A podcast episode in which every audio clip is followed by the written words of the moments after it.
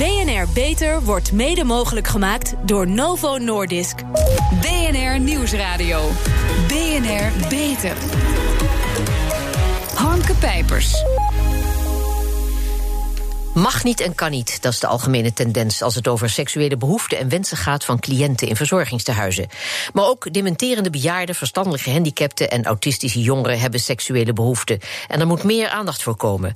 Welkom bij BNR Beter, het programma voor mensen die werken aan gezondheid. Mijn gasten vandaag: Daphne Kemner, orthopedagoog, seksuoloog van de Nederlandse Vereniging voor Seksuologie en verbonden aan de Prinsenstichting Zodiac. En Anne Tromp, psycholoog en als gedragsdeskundige verbonden aan diezelfde instelling. Mevrouw Kemner, u werkt bij eh, de Prinsenstichting, waar de cliënten intramurale zorg krijgen, waar ze dus 24 uur per dag zijn. Wat was voor u de aanleiding om u met het seksleven van de cliënten te gaan bezighouden? ja, um, nou van oudsher is er altijd heel veel aandacht geweest voor seksueel misbruik bij mensen met een verstandelijke beperking. En uh, op een gegeven moment kwam een begeleider naar mij toe en die zei: Goh, uh, s ochtends hebben sommige cliënten wel eens een erectie. En wat we geneigd zijn om te doen, is snel die luier dicht is dat eigenlijk wel goed hoe we dat doen? Ja. En toen dacht ik, ja, dat weet ik eigenlijk ook niet. Zijn dat nou ochtenderecties of moeten we daar inderdaad op een andere manier mee omgaan. En uh, toen is dat onderwerp me eigenlijk steeds meer gaan interesseren. En uh, ben ik uh, de seksologie ingegaan. Ja, en wat doen we er uiteindelijk mee? We zitten meteen midden in het probleem. Ja. of in het verschijnsel. Ja, wat we ermee doen is proberen om mensen een kans te geven op een positieve seksualiteitsbeleving. Ja. ja. Mevrouw Tromp, u werkt uh, ook bij de Prinsenstichting. Wat, wat zijn de dingen waarvan u dacht, daar moeten we iets aan gaan doen? Kunt u voorbeelden geven? Um, ja, zeker. Uh, wat je vaak ziet op de woongroep is dat er bijvoorbeeld uh, cliënten verliefd worden op elkaar op dezelfde woning. En dat er vrij snel gereageerd wordt met kan niet of mag niet. Waarbij mensen snel in een vorm van beheersing schieten of het willen controleren. Ja. En als je dat doet, kom je in een gebied waarin het onzichtbaar wordt. Um, en eigenlijk uh, zijn wij ervoor om te kijken hoe we het zo zichtbaar mogelijk kunnen houden. En dat is uh, waar ik me mee bezig hou. Ja, want ze konden het niet zelf oplossen.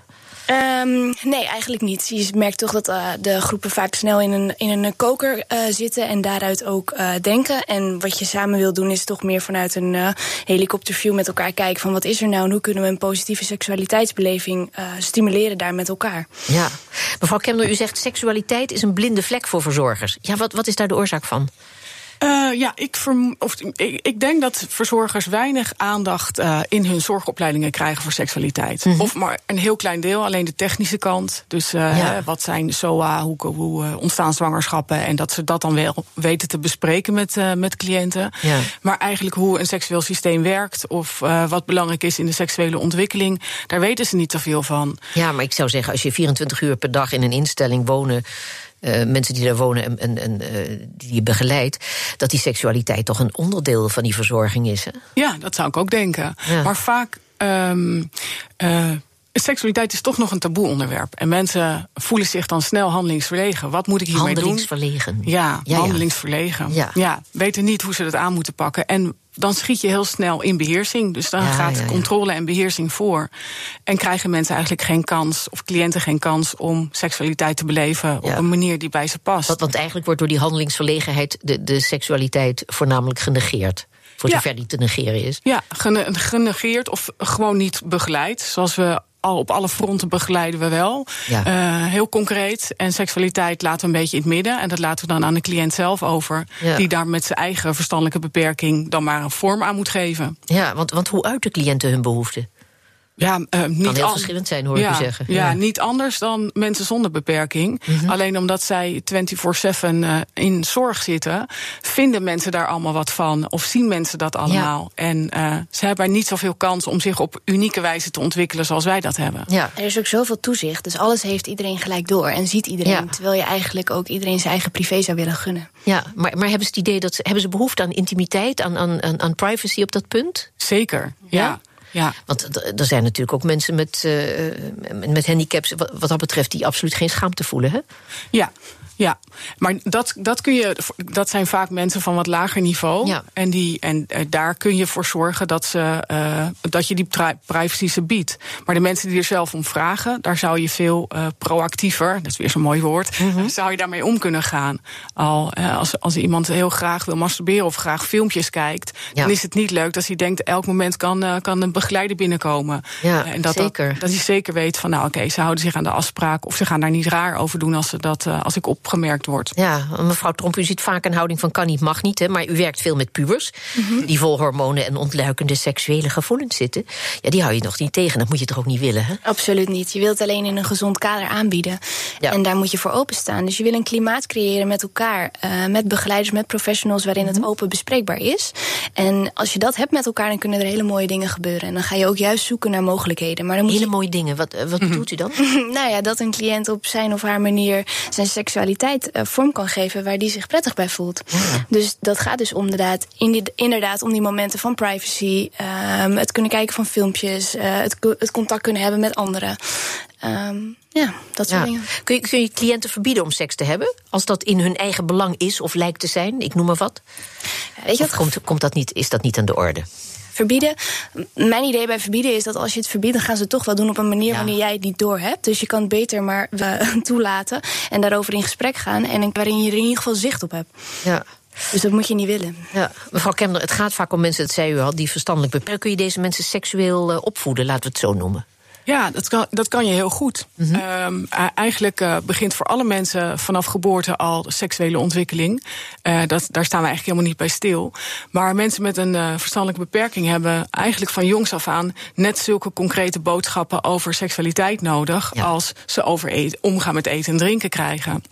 Eh, maar dat geven we niet. We, we vertellen niet precies wat de verschillen zijn tussen jongens en meisjes. Eh, we voeden ze niet eh, op in wat verliefdheid is. Ze hebben daar ook minder kansen toe.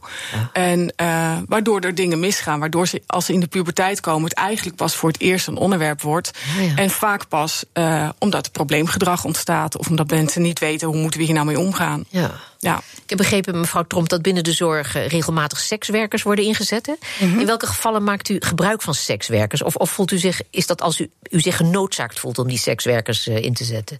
Ehm, nou, kijk, wat je vaak ziet is dat een vraag zich opbouwt. Hè. In het begin ehm, eh, kunnen cliënten vaak nog wel goed af met soloseks bijvoorbeeld. Maar de vraag kan zich uitbreiden en dan kan er een behoefte ontstaan om echt eh, seksualiteit met iemand te hebben. Het onderhouden van een relatie eh, waarbij een persoon een verstandelijke beperking heeft, is gewoon ontzettend ingewikkeld. Dus ehm, daarin zal je niet gaan aansturen snel op verkering of een relatie, maar eerder een sekswerker inschakelen. Dus dat komt zelden voor, maar het komt wel voor, maar niet vaak. Zeg, en eh, hoe reageert de familie als u voorstelt om een sekswerker in te schakelen? Want ik kan me voorstellen dat er soms eh eh, principiële bezwaren zijn. Zeker. Het verschilt heel erg van familie tot familie. Dat heeft te maken met normen en waarden van iedere familie. Dus daar is geen eh, pasklaar antwoord voor op. Ja. Zeg, en mevrouw Tromp, als mensen zo intensief en dicht bij elkaar leven, dan ontstaan er relaties. Hè? Dat, dat heeft impact op de hele groep. Hoe ga je daarmee om? Hoe ga je daarmee om? Eh, je maakt het bespreekbaar. Dat is eh, bespreekbaar maken. Dat is eh, nummer één wat je altijd gaat doen. En, en je merkt ook dat als je het in de groep bespreekbaar gaat maken, dat andere cliënten ook kunnen aangeven: oké, prima als we een relatie hebben met elkaar, maar laten we wel rekening houden met elkaar. En dat is iets anders. Ja, dus je maakt het bespreekbaar en, en dat levert iets positiefs op. Zeker. Als je daar op een normale manier over kan praten met elkaar en afspraken over kan maken, is er heel veel mogelijk. Ja. Maar wat nou als zo'n relatie weer uitgaat? Want dat, dat gebeurt natuurlijk ook. Ja, dat doet zeer. En zijn ze verdrietig. Zul je ook moeten begeleiden. Ja, het is niets anders dan het normale leven. Alleen is het wat uitvergroot omdat het in een groepsverband plaatsvindt. Maar het is eigenlijk een opdracht die we met elkaar allemaal eh, te doen hebben. Zoals je ook bij vrienden of familie elkaar steunt. Doe je dat daar in een groep. Ja. Mevrouw Kemner, relaties verbieden of stellen uit elkaar halen door iemand op een andere plek te zetten. Het gebeurt, dat weten we. Bijvoorbeeld omdat ouders problemen hebben met de relatie. Is dat onvermijdelijk of is er een beter alternatief? Ja, ik zou zeggen een beter alternatief. Ja? Eh, op het ja, dat is moment. keus. Maar is, maar is het ook reëel? Eh, ja, ik denk ook wel reëel. Maar dat, eigenlijk komt dat het op hetzelfde neer van wat Anna net zegt. Je, Ja. eh, als mensen geen, eh, met elkaar niet kunnen zorgen voor eh, wensen en grenzen van elkaar, dan Mhm. kun je ze daarin begeleiden. Kan je zeggen: Oké, laten we afspraken maken. Jij gaat niet naast haar zitten. Jullie hebben niet dit soort interacties. En dan kan je het juist weer als leermoment opvatten om ze verder te helpen. Hoe ga je nou om als er conflicten ontstaan of als je Ja. iemand niet meer zo aardig vindt? En dat is eigenlijk niet niet anders als dat ik zie bijvoorbeeld bij mijn puberkinderen uh, waar verdriet kan zijn en hoe je dan ook weer leert hoe ga je daar weer mee om. Maar even terug naar uh, de, de mensen met een, met een handicap. Is de wens en het ongemak van de familie leidend en doorslaggevend? Of, of gaat u erover met de ouders in gesprek? Want die willen toch ook dat hun kind gelukkig is. Dus er valt wat te bereiken, lijkt me. Ja, ouders zijn. De, absoluut gaan we met de ouders in gesprek. Mm -hmm. Altijd. Uh, leidend, ja, dat hangt er vanaf wat de, wat de wettelijke positie is van ouders. Of wat zij, uh, hoe, hoe belangrijk het is. Maar we proberen altijd ze te begeleiden en te, ja. uh, te stimuleren om, om mee te gaan in, in het meer in de professionele visie daarop. Ja. En eerlijk gezegd zijn ouders eigenlijk ook altijd hartstikke blij als je van, als professional aangeeft: joh, ook jouw kind is een seksueel wezen en wij kunnen dat begeleiden. Wij, wij weten wat we kunnen doen om dat een positief item in zijn leven te laten zijn. Ja. Er zijn zelden ouders die dan zeggen: nee hoor, dat wil ik niet. Ik wil ja. niet dat daar niet over gesproken wordt. Heb je, heb je nog mooie voorbeelden? Um, ja. Ja, heb je, ja, ik hoor dat Anna een heel goed voorbeeld heeft. Ja. Nou ja, bijvoorbeeld een, een, een, een, een, daar waren wij samen bij betrokken ook. Een, een casus waarin ouders toch wel erg moesten wennen. -hmm. En kijk, het is een verschil, het is onze professie. Dus wij gaan daar gelijk, uh, we, we, moeten afstemmen op deze ouders en op hun normen en waarden. Dus dan hebben we wat meer tijd ervoor genomen. En er zijn wel een stuk of vijf gesprekken hebben er plaatsgevonden hierover. Om ouders echt goed voor te lichten over wat het dan betekent. Uh, uh, wat we dan willen gaan, gaan doen en wat we willen gaan uitzetten. En, en, en wat wou je uitzetten? Waar gaat het nu nou, precies over? Nou, het gaat bijvoorbeeld heel simpel om, om filmpjes. Ja, of ja. om, om tijdschriften, uh, dat soort dingen. Daar moesten ouders ontzettend aan wennen. Want die dachten dat hun kind eigenlijk helemaal geen seksuele behoeftes ja, ja, had. Dus daar, heb je de, daar moet je de tijd voor nemen. En ik denk dat als je de tijd daar goed voor neemt... dan kun je hele mooie resultaten behalen. Uh, maar dat moet je wel nemen. En die tijd moet je ervoor uh, vrijmaken. Ja. En uiteindelijk uh, de cliënt gelukkiger... En de ouders ook? Ja, want ja, je hebt het is een, ja. seksualiteit beleven is een uh, kwaliteit van leven. Ja. En uh, het zit gewoon aan het lichaam. Kunnen we zo voor ze kunnen we zo begeleiden. Het kost helemaal niet veel geld. Het ja. is alleen goed investeren en mensen daar goed uh, bij begeleiden dat ze dat kunnen. Ja. Dus je hebt een gemeenschappelijk doel met ouders. Hè? Je, je, hun willen het beste voor hun kind, wij willen het beste voor, voor onze cliënt. En, ja. en als dat het uitgangspunt is, zijn ze heel uh, toegefelijk. Alleen je moet daar het geduld voor hebben om dat samen die weg te bewandelen daar naartoe. Ja.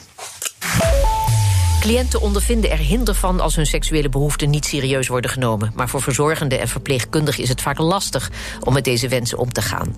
Daar hoort u straks meer over. BNR Nieuwsradio. BNR Beter. Seksualiteit is een blinde vlek binnen zorgopleidingen. Er moet veel meer worden gesproken over de behoeften van de cliënt. Want hoe ongemakkelijk ook, het kan veel problemen voorkomen. Mijn gasten, Daphne Kemner, orthopedagoog en seksuoloog... en Anne Tromp, psycholoog en gedragsdeskundige. Ja, mevrouw Kemner, het is een ongemakkelijk onderwerp voor velen. Mag je van elke verzorgende of verpleegkundige verwachten... dat die hiervoor open staat? Nou, je mag wel verwachten van elke verzorgende en verpleegkundige dat ze ervoor openstaan. Ik ja. denk dat de ene. Oh, dat beter... woord niet te letterlijk nemen, maar. Ja, nee. De een is er beter in dan de ander. Maar ik vind, uh, uh, ik vind wel dat er in de zorgopleidingen, als jij de zorg ingaat, ga je werken met mensen. Mensen zijn seksuele wezens. En uh, daar hoort seksualiteit bij. En als het niet helemaal je, je item is, dan is het ook goed om dat te weten. Maar dan weet Mhm. mm -hmm. je ook, hey, daar kan je terecht bij, uh, bij mijn collega. Kan je daarbij, ja. uh, daarvoor want, want hoe maak je het voor het zorgpersoneel uh, laagdrempeliger, laten we het zo zeggen? Om het erover te hebben. Ja, ja wat we bij Prinsenstichting doen, is heel veel cursussen geven aan groepen. Om te leren over dat onderwerp te praten, maar ook om er een visie op te ontwikkelen over hoe je nou omgaat op een positieve manier met het onderwerp. Ja. ja. Maar mevrouw Tromp, vaak zijn het jonge meiden hè, die een zorgopleiding doen, stagiairs vol goede bedoelingen, die zitten hier toch niet op te wachten? Hmm. Of juist wel? Nou, het is zeker iets wat nieuw is. Als het ja. niet is besproken in de opleiding, wat eigenlijk altijd zo is, is het iets wat nieuw is en dat overvalt soms best wel. Ja. En dat is juist. Maar dan wordt er toch vaak ge gepraat over de problemen, hè? Ja, zeker. En dan is het aan ons de opdracht om het uh, thema te belichten en te bespreken met elkaar. Maar goed, laten we het dan toch even over zo'n probleem hebben. Althans, uh, dat is het wel. Uh, zo'n meisje wordt lastiggevallen, stel je voor, door een verliefde cliënt. Of ze moet een man wassen die een erectie heeft, komt ook voor. Hoe moet ze omgaan met seksueel overschrijdend gedrag, zoals we dat dan beschaafd aanduiden? Nou, het is in ieder geval heel belangrijk om je eigen grenzen te kennen als professional. En om die bespreekbaar te maken. En te zeggen: hé, hey, dit gaat me te ver. Ik vind dit heel vervelend. Uh, hier wil ik mee leren omgaan. Help mij hierbij. Dat is waar het begint, denk ik. Ja, en ik denk ook dat, het dat als je geoefend hebt, als je weet van, oh, iemand kan een erectie krijgen als ik hem verzorg. Mm -hmm. En je hebt al een keer erover nagedacht, wat zou ik dan zeggen? Dan komt het veel makkelijker, rolt het je mond uit om te zeggen: Goh, ik zie dat er een erectie ontstaat. Ik ga even de kamer uit. Ik, ik kom over tien minuutjes terug. Ja. En dan gaan we rustig verder, geen probleem. En dan moet je in de opleiding al uh, over praten. Ja, en dat is niet één keer lesgeven. Dat is, je moet mensen de kans geven om daar uh, ja, echt een visie op te ontwikkelen. En vaardig in te worden. Plus ja. je moet ook je eigen grenzen leren kennen. Hè? Want die zijn voor de een weer ander dan voor de, uh, de een weer verschillend ja. dan, dan voor de ander. Ja. Welke initiatieven lopen dan nu om dit onderwerp meer onder de aandacht te brengen? Nou, we zijn in ieder geval nu op de radio. Ja, dus, uh, ja. begin.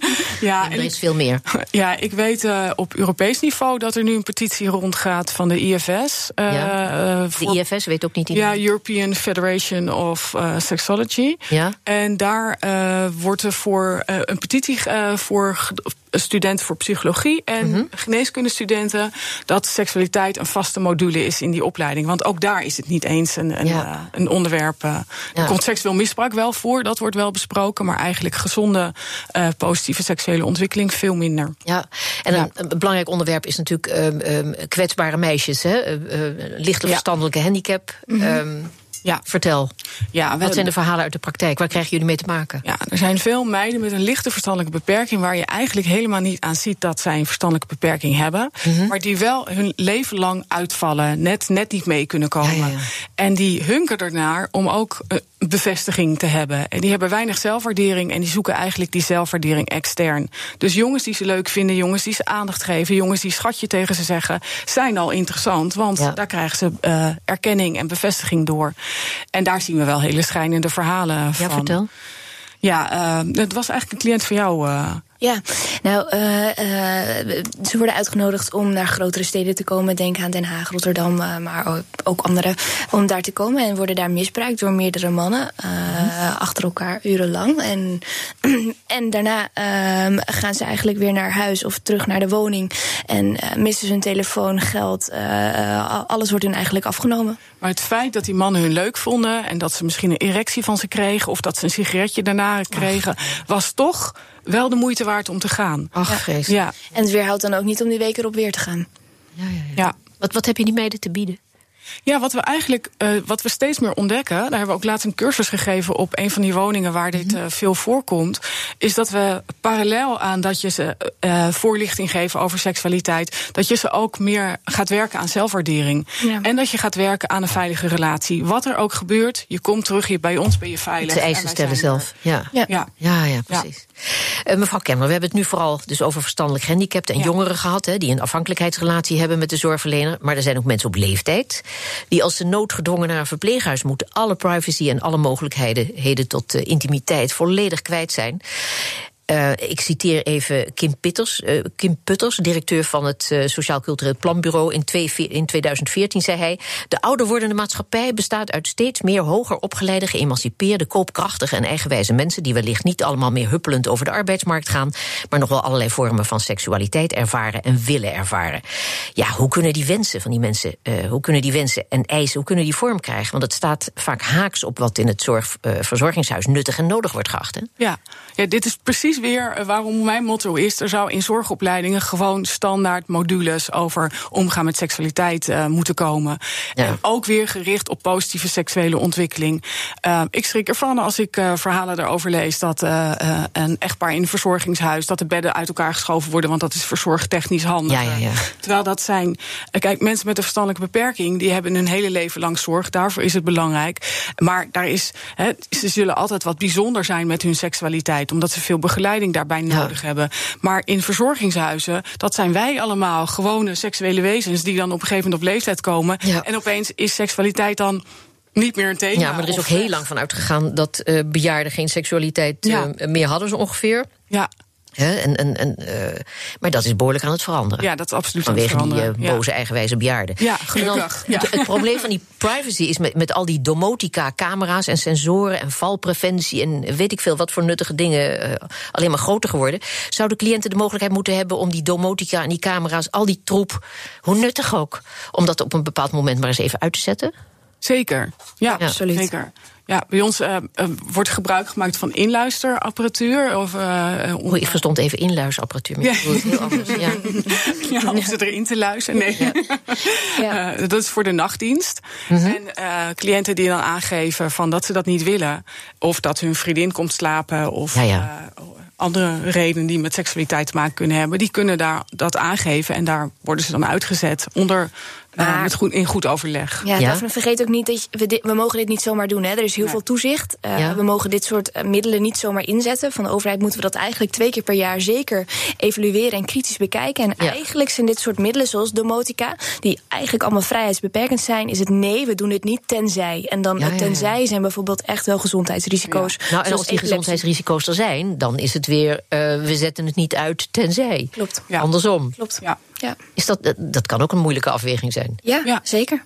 Ja, maar niet je... de moeite waard, uh, niet om te schuwen. Nee, en als nee. je seks met z'n tweeën hebt, wat in ja. hopelijk nog vrij veel gevallen voorkomt, dan is er ja. misschien wel eentje die nog kan reageren als er iets vreselijks gebeurt. Ja. Toch? Ik vind het wel goed, ja, dat sowieso, dat er één kan reageren. En ik denk dat het goed is voor het beeld. Seks is seks met z'n tweeën, maar seks is ook solo-seks. En heel veel mensen met een verstand. Ik heb het ook over solo-seks in, dit, ja, in dit hele interview. Mm -hmm. uh, uh, ook dat is belangrijk. En daar is privacy natuurlijk ook belangrijk bij. U, u, kaart het uh, probleem aan beide, hè? maar wat, wat, doet u zelf om te zorgen dat dit verandert? Wat gebeurt er om dit landelijk onder de aandacht te brengen? Ja, er zijn, uh, we hebben een uh, landelijk netwerk van seksuologen, SIG LVB noemen we ons. Ja. En wij zijn aangesloten bij de, we vallen onder de NVVS. En we zijn eigenlijk heel hard bezig om dit onderwerp seksualiteit bij mensen met een verstandelijke beperking op de kaart te zetten. door de groep wordt steeds groter, we geven scholingen, ja. we ja, gebruiken de NVVS om bekendheid te krijgen hierover. En er is veel behoefte aan? Ja. Ja, ga ervan uit dat Goeie alle reacties. mensen seksuele wezens zijn. En Ja. ongeveer 1% van de mensheid is aseksueel. Dus nou ja, dat geldt, uh, denken we niet anders voor mensen met een beperking. Ja. En wat we bij de Prinsenstichting heel erg proberen te doen, is proactief te handelen. Dus als er een nieuwe cliënt bij ons binnenkomt, uh, ook uit te vragen hoe het met iemand gaat op het gebied van seksualiteit. Ja, ja. En als er een behoefte is, in plaats van laten reactief handelen als er problematisch gedrag waargenomen wordt. Dus gewoon al bij het intakegesprek. Ja. Precies. Proberen we. Ja. Ja. Fantastisch. Hartelijk dank. Anne Tromp en Daphne Kemner. Pioniers in de zorg. Onze zorgredactie speurt naar interessante medische innovaties binnen en buiten de muren van de universiteit. Waar werken ze daaraan en wat moeten wij erover weten? Rebecca van Dam. Het is lente, dus we gaan lekker naar buiten. En dat geldt ook voor ouderen, maar die zijn vaak wat minder mobiel. Vertel. Nou, inderdaad, met de leeftijd komen de gebreken. Elk jaar komen veel 65-plussers op de spoedeisende hulp terecht na een val. Dit zorgt voor hoge kosten in de zorg, maar is vooral heel vervelend voor degene die gevallen is. Want zo'n val heeft grote gevolgen voor de mobiliteit, maar kan ook zorgen voor angst om weer te bewegen. Ja, heel, heel vervelend, maar wat kun je eraan doen? Hoe kun je het voorkomen? Er is nu een proef opgezet voor valpreventie, gericht op thuiswonende 65-plussers met een verhoogd valrisico en risico op ondervoeding. Het project heet TOM, dat staat voor Thuis Onbezorgd Mobiel, en blijkt dus heel succesvol te zijn. Want in het Vechtal bijvoorbeeld, een van de vijf regio's die hieraan meedeed, halveerde het aantal valincidenten. Ja, dat is een heel mooi resultaat. Hoe is dat succes te verklaren? Nou, naast dat er gericht werd gewerkt aan beweging, was er ook aandacht voor voeding en voor sociale steun. Dit in samenwerking met lokale diëtisten, lokale fysiotherapeuten, maar ook met gebruik van moderne techniek. Zo werden bijvoorbeeld met sensoren de activiteiten van deelnemers gemeten. En wat blijkt? De deelnemers zijn sterker, mobieler en leniger geworden en ze zitten beter in hun vel. En ze zijn bovendien ook minder bang om te vallen, dus letterlijk en figuurlijk beter in balans. En zo, vertelde programmaleider Dieter ten Berge van Vitaal Vechtal. Het heeft nog een positieve bijkomstigheid. We zien gewoon dat uh, de ouderen zelf heel positief over zijn. En niet alleen in relatie tot het bewegen of het niet vallen.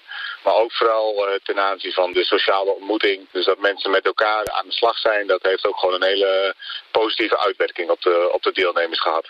Kortom, de deelnemers hadden het gewoon gezellig samen. En die sociale kant is zeker niet onbelangrijk. Nou, zulke goede uh, resultaten. Dus uh, we gaan ermee door. Ze gaan ermee door. Ja, de, het vechtal wil daar hoe dan ook mee doorgaan. En dat is natuurlijk helemaal niet gek, gezien de goede resultaten. En ook in de andere regio's waar dit project is gedaan, zijn ze enthousiast. Genoeg reden dus voor iedereen in de ouderenzorg om hier met interesse naar te blijven kijken. Dankjewel, Rebecca van Dam. En tot zover deze uitzending van BNR Beter. Op bnr.nl/slash beter is deze uitzending terug te luisteren of on demand via de BNR-app, Spotify of iTunes. We zijn ook op Twitter te vinden onder BNR Beter, dus heeft u tips voor ons, laat het ons weten. Ik ben Harmke Pijpers. Graag tot een volgend spreekuur. BNR Beter wordt mede mogelijk gemaakt door Novo Nordisk.